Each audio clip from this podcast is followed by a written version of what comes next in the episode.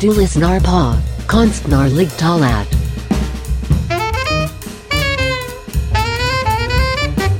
En podcast från Högskolan för scen och musik.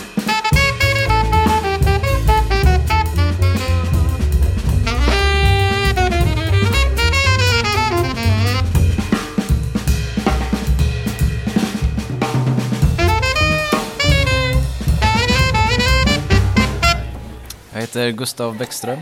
Jakob Mårdbrink. Per Valfridsson Ols. Vi- Vi går samma klass alla tre. Kandidatutbildning i kyrkomusik. Första året. Hur tänker ni er eh, framtidens kyrkomusik om eh, 10-20 år? Eh, ja, du, det var en svår fråga. Eh, man hoppas väl kunna eh, vara med och inspirera människor som kommer till kyrkan eh, genom musiken och eh, få dem att eh, blomstra där och beröras. Jo, men kunna eh, möta den stora bredden som nog kommer krävas, men inte förlora sina spetskunskaper skulle nog kunna tänka mig, som behövs eh, i yrkeslivet nu. Sen. Hur tänker du dig framtiden som kyrkomusiker? Eh, Jag hoppas ju att det, eller att det ska bli en mindre åtskillnad rent genremässigt och musikaliskt mellan eh, det som man kanske traditionellt kallar för kyrkomusik och sekulär musik. Då. Att, det, att musikaliskt sett så tror jag att man kan eh, ja, blanda det mer och, och att det inte behöver vara genren som avgör om det är kyrkligt eller inte. Liksom. Som jag tänker som kyrkomusiker så handlar det om att människor ska få möta Gud i musiken. Liksom. Och att det tror jag inte är bundet till en speciell genre utan att det kan vara, låta hur som helst men att, att huvudsaken är att man öppnar upp för att Gud får, får verka i det.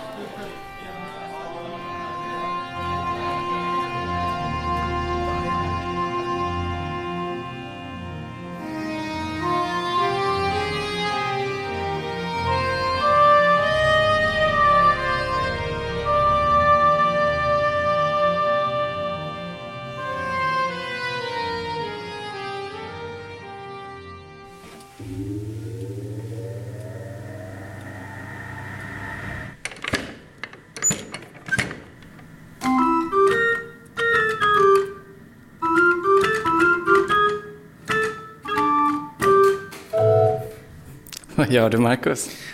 Alltså jag försöker att spela lite på den här orgeln för att vi ska ju göra en podcast som handlar just om orglar och um, kyrkomusikerutbildningen här på Högskolan för scen och musik. Eh, du hörde ju de här tre killarna alldeles eh, nyss. De går på kandidatutbildningen i kyrkomusik. Och vi vill då ta reda på lite grann hur, varför man vill bli kyrkomusiker och hur det är att jobba som det sen när man är klar. Mm. Och så ska vi försöka få svar på hur Göteborg kunde bli typ världsledande på forskning och byggandet av orglar. En av de som forskar här på skolan är Ove Steinmetz. Och det var hans musik vi fick ett litet smakprov ifrån här i början av programmet. Ja, just det, precis innan eh, min musik där. Men vet du vad Marcus? Jag har hört att man måste ha speciella skor på sig när man spelar orgel. Så jag vet inte om det funkar med dina sneakers tyvärr. Eh, när man spelar orgel så spelar man både med tårna som en punkt och så det spelar jag med klacken. På det sättet så får jag fyra fingrar så att säga och spela med fötterna. Och då måste jag ha en klack på skorna. Ja, och sen har du två liksom, eh, klaviaturer här uppe och massa pedaler. Det låter extremt svårt att koordinera allting.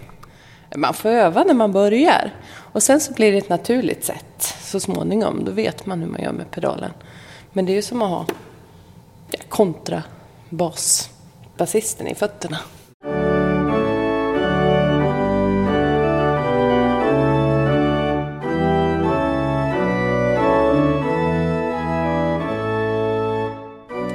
Hon som har kontrabasen i fötterna och som spelar så här fint, det är Hanna Drakengren, masterstudent i orgel med relaterade klaverinstrument vid Högskolan för scen och musik.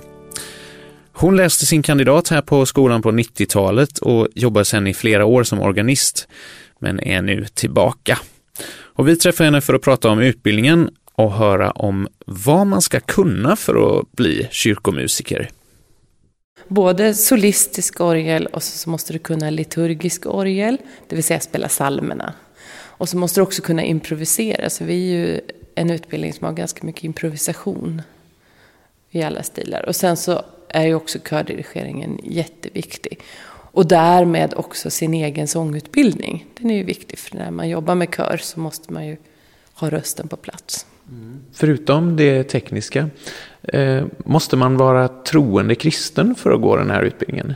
Nej, det finns det inga formella krav på alls. Och sen så finns det också användning av organister i andra typer av samfund än just Svenska kyrkan. Så det här är ju inte Svenska kyrkans utbildning, utan det här är universitetets utbildning. Vad finns eh, jobben för kyrkomusiker då?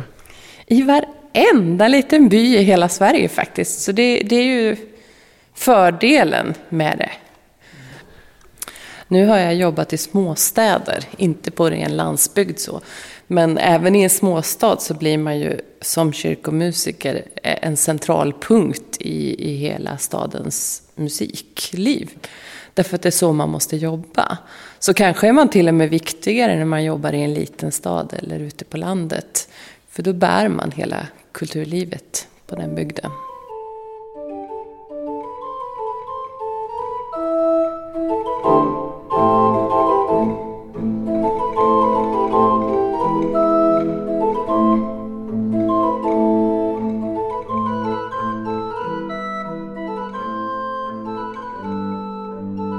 Jag undrar, är det bara så här salmer och så man kan spela på de här orglarna? Eller vad? kan man göra något helt annat också? Alltså man har dokumentation av orglar ända från tidig medeltid, 800-talet och, och, fram till liksom alldeles nybyggda instrument idag. Och naturligtvis är ju repertoaren helt olika hela vägen. Så vi spelar ju både renässansmusik och barockmusik och klassisk symfonisk musik som till exempel på den stora orgeln här på skolan. Men sen kan du ju spela vad du vill. Man får ju mycket visor och jag är till exempel ute och konserterar med en jazzsaxofonist och då blir det ju väldigt mycket improvisation som närmar sig jazzhållet när vi gör den här musiken. Och det finns det instrument som gillar också. Det, det låter som att du relaterar till dem på liksom ett väldigt så, vad ska man säga, personligt sätt. Jo, fast det måste man göra när man kommer till New York. Så kan man bli så här, wow, det här var en gammal herre från 1870. Får se hur gisten han är i basen. Och, och, då måste man göra någonting av det, liksom, vilken repertoar jag än sitter med. Eller, jaha, det här var en typisk 70-talsorgel, den skriker rätt bra. Mm, ska vi bli kompisar du och jag? Så att man behöver göra den grejen. Eh, vilket gör det ganska intressant att vara orgelmusiker, för att jag måste samarbeta med instrumentet. Jag kan inte komma dit med min färdiga plan och säga att så här ska det vara. Mm. Utan jag kanske till och med behöver ändra någon repertoar eller något sätt att spela eller något tempo. Därför att orgeln kräver det av mig när jag kommer dit. Mm, det är spännande. Den här stora gröna saken vi sitter vid här i eh, Bergersalen på Högskolan för scen och musik i Göteborg. Hur skulle du beskriva den här filuren då? Vad har den för personlighet? Alltså det här är ju byggt för att vara just en kopia av 1700-talsinstrument och den har en viss stämning så att säga. Så den är inte renstämd som ett piano är. Vilket gör att alla tonarter kan jag inte spela till exempel. Sen är den väldigt vänlig. Jag tycker om det här instrumentet för att trakturen, det vill säga hur jag tar i tangenterna, så är den väldigt generös oerhört generös. Så vi brukar kunna vara kompisar ganska fort den här orgeln och jag och den gillar snabba löpningar. Det blir den glad av. Du lyssnar på Konstnärligt talat. En podcast från Högskolan för scen och musik. Eller då trumpetklangen, eh, kraften. Ska vi se, då måste man trampa på eh, släppa in så att säga hästkrafterna.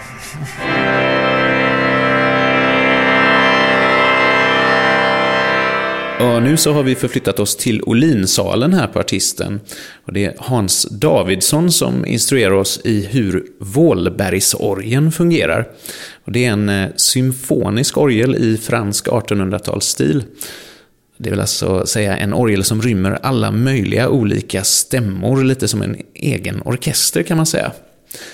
Genom att forska i bland annat material och akustik så har man lärt sig att bygga den här typen av orgel här i Göteborg och just här på skolan. Det är viktigt att ha klart för sig att, vår utgångspunkt var inte att vi ville återskapa något gammalt, inte alls. Utan vår ehm, position var att vi kunde inte acceptera den kvalitet vi hade i vår tids instrument. Det var inte tillräckligt bra när vi jämförde med till exempel historiska orglar. Då. Och då blev så att säga vägen till framtiden genom kvaliteten och upplevelserna i de historiska orglarna att försöka återskapa den kunskap som vi uppenbarligen hade förlorat för att kunna bygga framtidens instrument. Så det är fyra olika klangfärger. Nu gjorde han dem så, så att de blandar sig med varandra. Om vi tar den svagaste eh, Bordeaux, så tar vi flöjten till som liksom får det att växa. Och så tar vi stråkstämman och då får man liksom lite övertoner. Och så med montre, den stora principalstämman, så får vi body i det hela.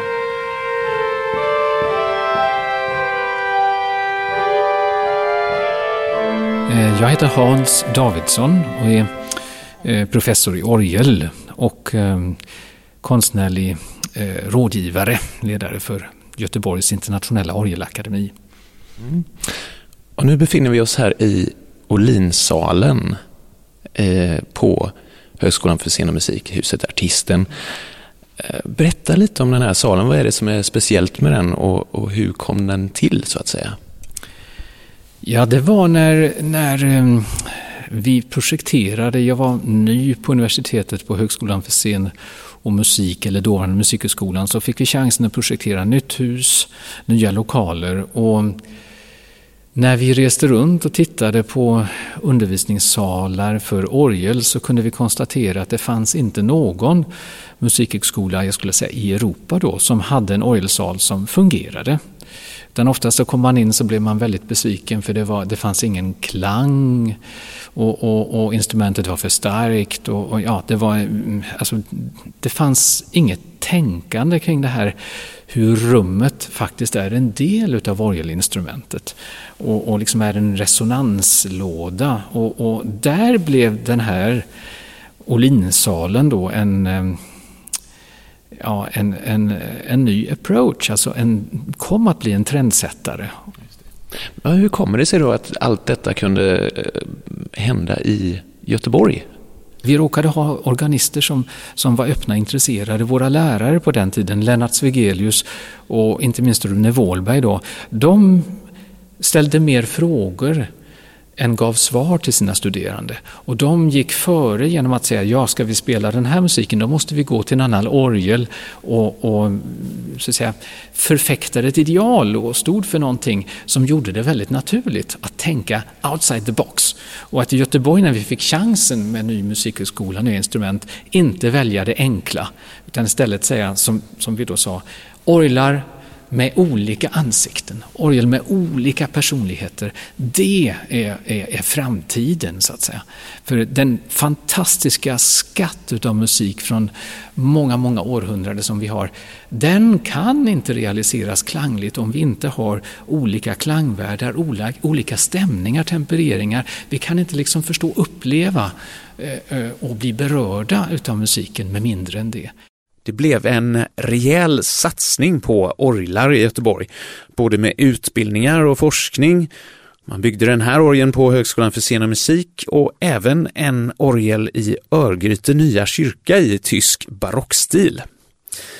Och det här vill man förstås dela med sig av och bjuda in internationella gäster inom området. Det är det som organisationen Göteborgs internationella orgelakademi sysslar med. Så tänkte vi också att när vi får de här instrumenten, när det kommer till och under resans gång, så vill vi skapa en mötesplats för musiker, organister, eh, forskare, orgelbyggare. Och det blev då Göteborgs internationella orgelakademi som med dåvarande Musikhögskolan som bas eh, startades 1994. Och det blev en mötesplats för, plats för, för framförallt den unga generationen utav eh, leading performers, organister, som var väldigt intresserade utav att eh, ha kunskap information alltså och upplevelser utav det här med musikkopplingen till instrument och sånt här. Och de gick ut och menade att vi kan inte vara konstnärligt uttag, övertygande och relevanta i vår tid om vi inte är up to date med de här sakerna. Och där blev Göteborg en arena. Och så stänger jag svällboxen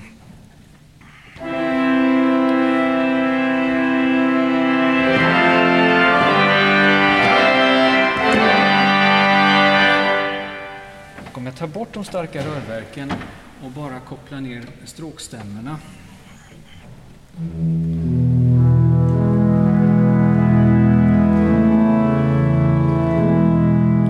Och 2000 kom, kan vi väl säga, kulminationen när den det tioåriga forskningsprojektet att bygga en barockorgel på 1600-talsvis eh, eh, eh, kom till sin avslutande fas och den Eh, barockorgel som byggdes för Örgryte nya kyrka i nordtysk tradition som vi säger och stort instrument. Eh, som var, ja, det var ett projekt som blev så uppmärksammat under resans gång i världen för att vi gick in med, med vetenskap, med tvärvetenskap, samarbete med Chalmers och samlade orgelbyggare från hela världen här för att återskapa hantverket under 1600-talet. För vi tänkte den klangliga kvaliteten, eh, helheten av det som har gått oss förlorat, det kan vi endast återskapa och få uppleva om vi samarbetar över alla gränser. Och 2000 kunde, det var den största orgelkonferensen, manifestationen i hela världen då, kunde alla uppleva det här instrumentet invigt eh, klingandes eh, i Örgryte nya kyrka. Mm. Det, så det var lite en sensation i orgelvärlden? Det var, eh, man ska säga, det var, det inspirerade runt om i världen till nya instrument och direkt övertagande av den här kunskapen. Till och med att man gav uppdrag åt orgelforskningsverkstan vid Göteborgs universitet att, att bygga instrument, forskningsprojekt, både för Asien och för Nordamerika. Mm. Um, och ja, för min egen del blev det så att jag, jag fick en inbjudan och kom att bli verksam i Nordamerika på Eastman School of Music i 12 år. Och där invigde vi 2008 ett eh, instrument som byggdes här i Göteborg i eh, centraltysk, alltså mer ska säga, Bach-riktning, 1700-talsstil. Och det instrumentet skrevs det om som lead article i New York Times Science Section 2009 i december. Och, eh, eh, var otroligt uppmärksammat. Göteborg som modell för inte bara orglar utan liksom forskning kring kulturvarv, identitet, tvärvetenskap, nytänkande med gammal teknik och nya approacher.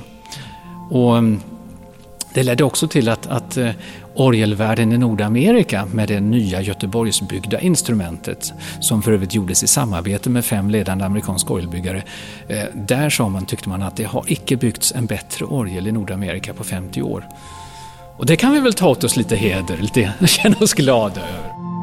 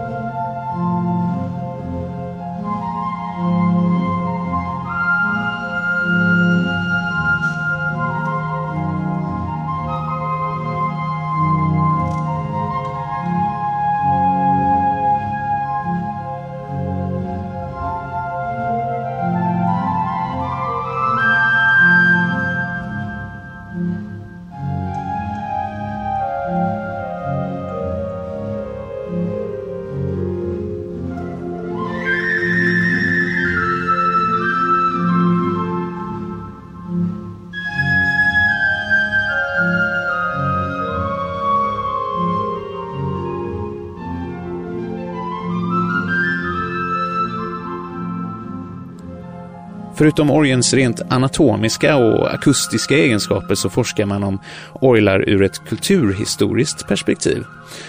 Hur kan orgeln vara en spegel av vår kultur genom århundradena? Ett annat projekt är Creative Keyboards. Vad händer med musikerns skapande process i mötet med olika sorters instrument? Under hösten så kunde man lyssna på en konsert här med eh, duon Waves som består av Ove Steinmetz och Daniel Stickan. Ove Steinmetz han håller på och doktorerar här på Högskolan för scen och musik med ett konstnärligt forskningsprojekt om hur improvisationsmusik och jazz kan mötas med sakral musik. Och I samband med konserten så blir han intervjuad av Joel Sperstra. Vi ska lyssna på en liten bit från det samtalet. It's a very difficult question, I know, but um, how is jazz sacred to you? Um, jazz became jazz was in the beginning sacred. The roots of jazz are going back to ritual music, mm-hmm. and anything that is a ritual for people can become sacred because it's nothing you actually really want to explain. You do rituals to forget why you do them, why you do them. Mm-hmm. And if you do ritualistic music, you take yourself into a space that is supposed to connect yourself to the transcendent. So any kind of rituals that happen in music have this power. And jazz in the 1950s or 60s uh, connected to different world religions, to church music in the United States, but also to the Muslim faith, to the Baha'i faith, to Buddhism, to yoga practice. There was actually a yoga jazz record done in 1964 by a very famous jazz flutist from England. Uh, so somehow I think the ritualistic aspects of how you play, how you improvise together, uh, lead towards uh, religious music.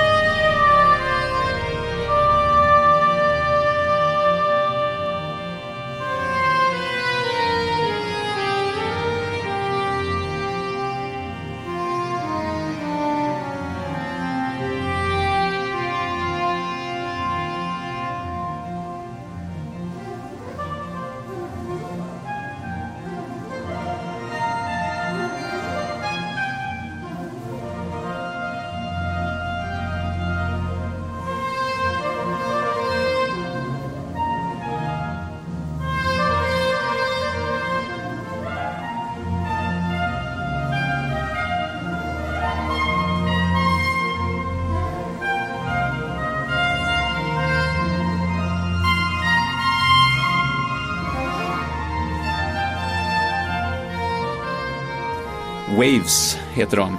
Ja, det är vackert. Mm -hmm. Hur ska du göra med ditt eh, orgelspel nu då? Ska du ta det vidare? Nej, vet du, jag, jag, tror jag pausar på den fronten. För vi har ju hört här i programmet hur många riktigt seriösa proffs det finns här i Göteborg och här på Högskolan för scen och musik. Så jag överlåter det åt dem. Ja, jag förstår. Men det var riktigt kul att få en eh, instruktion i hur, hur orgeln fungerar av Hans Davidsson, tycker jag.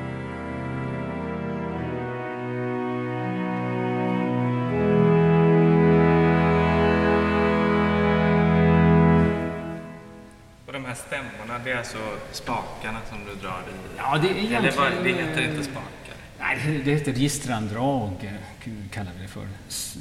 Ja, stops in English. Stops. Och det står saker på dem? Det står namn på de här då, så att eh, när du, när du läser till exempel eh, flutharmonik, då är det en, så att säga, en, flut, en flöjtstämma. Va?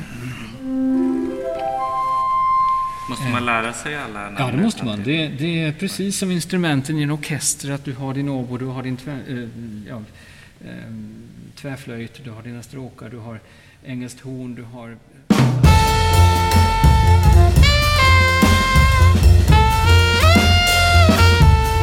Du har lyssnat på Konstnärligt talat. En... Konstnärligt talat? Konstnärligt talat en podcast av Högskolan för scen och musik vid Göteborgs universitet. De som har gjort programmet är programledare Marcus Görs och producent Kenneth Hedlund. Signaturmelodin som du hörde är gjord och framförd av Martina Almgren, Thomas Gärdelund och Thomas Markusson med Oskar Karlsson som tekniker. Vill du veta mer om Högskolan för scen och musik, gå in på vår hemsida www.hsm.gu.se. Tack för att du har lyssnat. Tack för att du har lyssnat.